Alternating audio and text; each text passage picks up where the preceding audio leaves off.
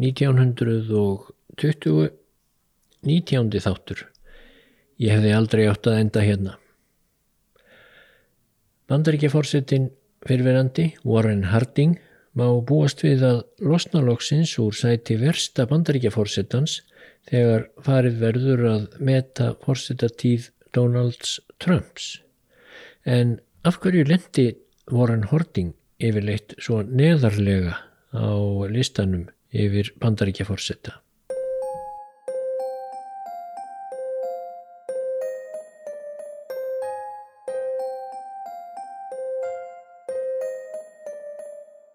James M. Cox, hann átti ekki neinum erfileikum með að viðurkenna ósigur í kjöru um fórsetta bandaríkjana í november 1920. Hann var í fyrsta lagi ekki jafn tapsár og Donald Trump og í öðru lagi fóru úrslitin ekkert á meðli mála.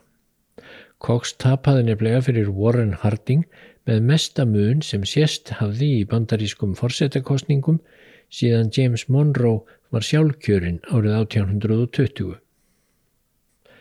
Það vildi reyndar svo til að Cox hafði verið skýrður fullu nafni James Monroe Cox en ekki dögði sútenging við hinn sigursæla femta bandaríkja fórseta honum til að ná sjálfur í kvítahúsið. Ekki nema 34,1% kjósenda sá ástæðu til að merkja við Cox á kjörstæðlinum en 60,3% vildu Warren Harding. Sá mikli munur upp á 26,2% hefur ekki verið betrum bættur síðan. Svo það var ekki annað fyrir Cox að gera en halda heim í setur sitt í útjæðri borgarinnar Dayton í Ohio og taka upp fyrir háttu að reka blöð og tímaritt en Warren Harding flutti inn í kvítahúsið í Washington í mars 1921 og þar voru allar líkur á að Harding gæti haldið lengi til svo feiki vinsæl sem hann bersínlega var. Eftir umrót fyrriheimsterjaldar og miklar pólitískar deilur um arfleifð Wilsons fráfarandi fórsetta þá sáu bandaríkjumenn nú fram á rólegri tíð og vonandi efnahags uppgang með tröstan og ráðsettan fórsetta við stýrið. Já, það voru þá þegar alla líkur á að Harding yrði endurkjörin auðveldlega þegar næst yrði kosið árið 1924 og svo myndi þriði áratögurinn fá heitið Harding tíminn í bandarískri sögu og allt í blóma. En það fór allt á annan veg. Fyrst dó Harding eftir aðeins rúm tvö ári ennbætti og síðan dó orðstýr hans sem forsetta þegar upp á yfirborðið kom hvert neykslismálið á fætur öðru. Svo fór að þegar bandarískir sagfræðingar fóru að skemta sér við að kjósa bestu bandaríkjaforsettana þá lendi hinn áður svo vinsæli Harding yfirleitt í neðstasæti. Hann hefur sem sé verið talin óhæfastur þeirra allra í hverri kostningu sagfræðingarna á fætur annari. Núna þegar sakfræðingar taka af alvöru að fást við fórstetta tíð Donalds Trumps þá má ætla að Harding verði losaður úr prísundinni neðist á listanum. Þau nexlismál í stjórnartíð Hardings sem ollu því að hann hrapaði svo í áliti eru satt að segja bara barnaleikur sem tekur því allað eigða orðum að með að við nexlismál Trumps og eiga þó vendanlega enn fleiri eftir að koma upp á yfirborðið. Warren Gamaliel Harding fættist árið 1865 í Ohio, sonur ljósmóður og læknis sem síðar gerðist bladútgefandi. Þegar Harding ógs úr grassi tók hann við bladabisnis föður síns og gekk vel. Helst í keppinautur hans í bladaútgáfunni í Ohio var engin annar en James M. Cox, fimm árum yngri maður og snarpari allur, þeim gekk þó báðum álíka vel í útgáfubransanum. Um aldamótin 1900 fór Warren Harding að skipta sér á pólitík sem republikani. Hann satt á þingi Ohio um tíma og tók svo sæti í öldungadeild bandaríkjathings 1915. Árið 1920 bauð hann sig fram til forsetta, forkostningar voru þá rétt að byrja en frambjóðendur voru þó fyrst og fremst valdir á flokkstingum. Nokkrir metorðagjarnir republikanar keftu hart um tilnefningu flokksins en Harding hugsaði líklega fyrst og fremst um að vekja á sér nokkra aðtigli svo hann ætti auðveldara með að ná endurkjöru í öldungadeildina þegar að því kæmi. Þó hafðu nágrannar Hardings í bænum Marion í Ohio tekið eftir því að hann hafði nýlega látið stækka og endurbæta veröndina á húsi sínu. Það var tólkað sem merki um að hann sættist eftir hinnu æðsta ennbætti. Nokkrir bandarískir fórsetaframbjóðendur hafðu náð alla leiði í kvítahúsið með því að heia sína kostningabaróttu fyrst og fremst á verundinni heima hjá sér. Þar heldu þeir ávörp fyrir sendinemdir kjósenda sem komu í heimsókn. Þegar tilkom börðust helstu frambjóðendur á flokkstingi republikana sömarið 1920 þeir börðust svo hart innbyrðis að ekki gatt orði sátt um nettera. Þá varð Harding fyrir valinu sem minnlítil málamiðlun. Hann þótti myndarlegur og traustveikjandi í fasi, hann bauð af sér góðan þokka og þá gerði minna til þóttan væri eins og uh, bladið New York World orðaði það linur miðlungsmaður sem hefur aldrei fengið eina einustu hugmynd.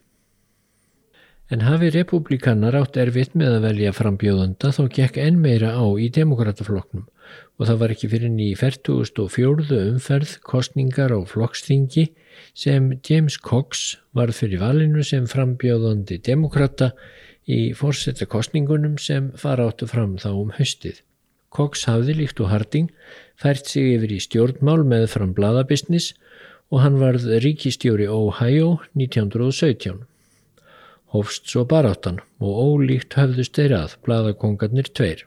Nágrannar Hardings hafðu haft rétt fyrir sér um það hvers vegna hann var að stekka hjá sér verundina því Harding satt nálega alla kostningabaráttuna og masaði við gesti heima hjá sér um að nú væri brínast af öllu að snúa aftur til eðlilegra hátta. Normalcy var hér sjálfgæfa orð sem hann notaði, return to normalcy. Cox var hins vegar á ferð og flugi út um allt og flutti vel undirbúnar og ígrundaða ræður um landsins gagn og nöðsinjar.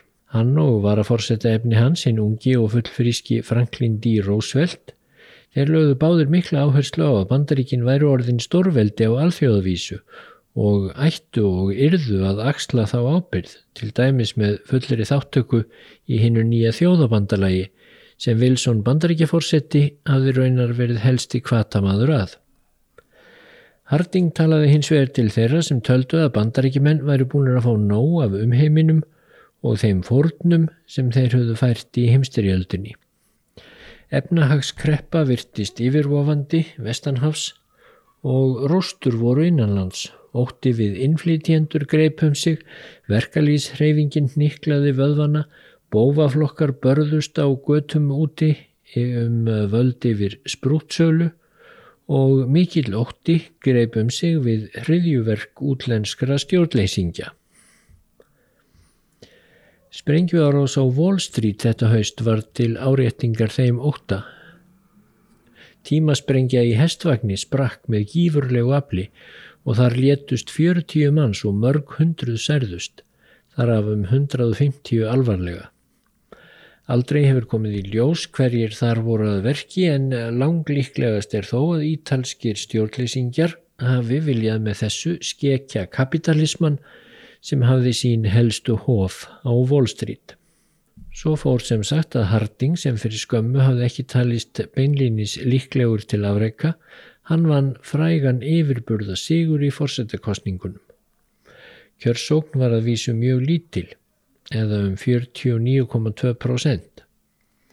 Sérfræðingar í bandarískri stjórnmálasögu hafa kostningarnar annan november 1920 yðurlega til marksum að kjósendur hafi ekki æfinlega rétt fyrir sér því Cox hafi svo auðsjáanlega verið betri frambjöðandi, djúbskreiðari og gáaðri og hefði alveg áraðanlega orðið miklu betri fórseti en Harding en um það þýtti nú ekkert að fást úr því sem komið var. Harding stóð við þau kostningalofurð að draga bandaríkina mestu út úr alþjóðasamstarfi þótt mikilvægur flottasamningur sem gerður var í Washington 1922 væri raunar merki um hið gagnstæða. Hann var annars ekki mjög aðtapnasamur í ennbætti en flestir kunnu ágætlega við hann og þegar hann lést í ágúst 1923 eftir skamvinn veikindi og síðan hjarta áfall þá sirgðu flestir bandaríkjumenn fórsetta sinn einlæglega. En þá voru reyndar rétt ókomin upp á yfirborðið, fyrstu neykslismálin af mörgum sem átt eftir að leika orðstýr hans afar illa. Tveir ráðferrar í ríkistjórn Hardings voru á endanum dregnir fyrir dóm fyrir að notfæra sér aðstöðu sína til að maka krókin og margir embættismenn og pólitískir lukkurittarar allskonar komu þar við sögu.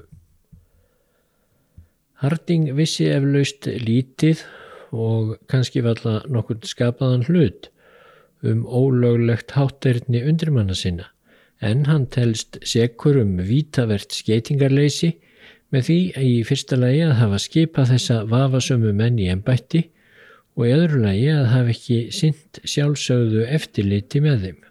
Því Harding spilaði póker við vini sína meðan hinn er óprúktnu meðal þeirra rændur í kískassan. Árið 1927, nokkrum árum eftir andlát Hardings, fjall svo sprengja sem þá þótti ég vel enn alvarlegri fyrir orðspor forsettans sáluga.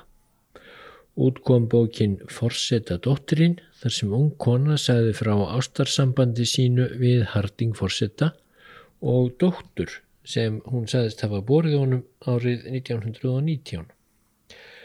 Konan hétt Nan Britton og þótt ættingjar Hardings bæru eindreið á móti því að þau hefðu haft nokkuð saman að sælda þá var löngu sannað að hún fór með rétt mál og dóttur hennar, Elisabeth Ann, var sannarlega dóttur Hardings. Britton var dóttir kunningja Hardings í Ohio. Hún var 31 ári yngri en hann en hafði heilast af honum þegar hún var vart af barsaldri. Harding vissi snemma af því og notfæriði sér það þegar hann hóf kynferði samband við hana þegar hún var tvítug. Oft fóru aðtapnir þeirra fram í kompum í þinghúsinu í Washington og á öðrum afviknum stöðum. Eftir að hann var orðin fórseti þá hittust þau gætnan í skáp einum í kvítahúsinu. Harding var kvæntur maður og Flórens kona hans hafði fært honum bæði fjö því hún var af auðugumættum og pólitísk áhrif. Þau áttu ekki börn en uh, Harding mun hafa loðað Britton að ef hann fjalli frá þá er því séð fyrir henni og dótturinni Elisabeth Ann í erðaskrá hans. Það var henni því mikið áfall, bæði peningarlega og tilfinningarlega þegar í ljós kom að Harding hafi logið og í erðaskráni sem opnuð var eftir látans var ekki eitt orð um að hann ætti í dóttur. Hún gaf út bók til að eiga fyrir uppeldi dótturinnar en mætti gífurlegri gaggríni og sankolluðu hatri hinnar pólitísku elítu republikana. Þeir vildi ekki að blettur af þessu tægi fjalli á forsetta þeirra. Hún mun svo hafa lifað hálfpartin í félum æs í þann en helt allatíð fast við sögu sína. Árið 2014 kom svo upp úr durnum að Britton var ekki eina konan sem Harding helt við. Þá voru gerð ofnber 106 bref sem hann hafði skrifað eh, Kane Fulton Phillips, giftri konu sem hann átti í sambandi við í um það byrj 15 ár. Bréf sem skrifuð voru á bréfsefni öldungadeildarinnar, þau voru vægast sagt erotísk. Í brefunum lísti Harding því til dæmis í allmiklum smáatreðum hvað Jerry vildi gera þegar þau hittust næst en Jerry var nafnið sem hann notaði yfir tippið á sér.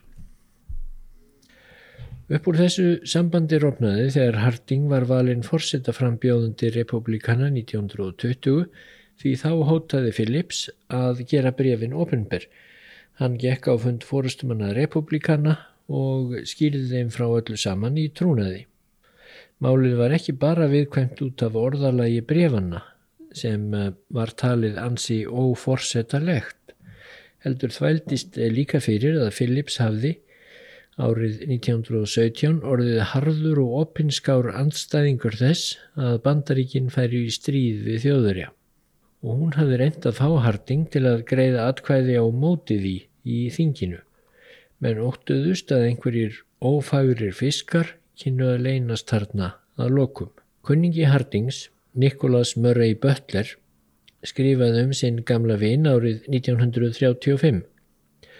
Harding var einn vænsti maður sem til var en hann hafði enga sérstaka hæfileika til að vera fórseti.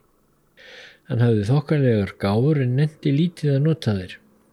Hann hafði litla þekkingu, var góðviljaður, latur og veiklundaður þegar sterkari menn þrýstu á hann, sérilagi vinir hans.